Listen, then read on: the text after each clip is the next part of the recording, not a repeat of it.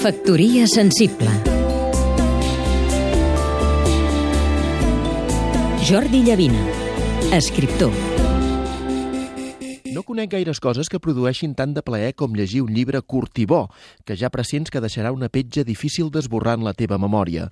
Sí, d'acord, contemplar un vell paisatge o arribar a l'orgasme amb una persona, diguem-ne, estimada, també està a la mar de bé, i segons com encara està millor.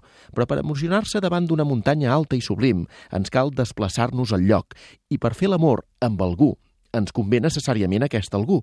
El llibre és portable, amenós. No hem de menester ningú més, ni res més, ni encara menys res de l'altre món, ni un ésser a qui després de sopar i abans d'allò que deia hagis d'aclarir davant la nota del cambrer del restaurant «No, no, això és cosa meva». Un llibre d'una hora pelada de lectura constitueix un dels més grans privilegis d'aquesta vida. Crònica de la cabana, es diu el llibre, i el va escriure un monjo japonès que va viure entre les acaballes del segle XII i la primera del següent de la nostra era. Es deia Kamo no Chomei i va decidir abandonar la ciutat i habitar una cabana petita com un cop de puny i fer-se monjo budista. Corria l'any 1212.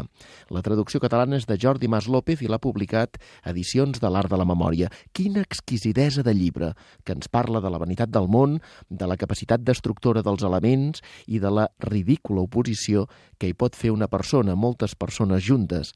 Quina obreta més profitosa i commovedora època ingrata la que va viure el monjo amb incendis i terratrèmols que van devastar la regió.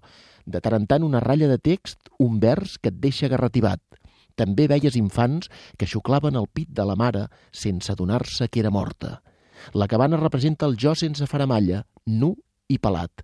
Vuit segles més tard, un llibret com aquest continua tenint plena vigència, ens emociona, ens fa sentir una mica menys sols.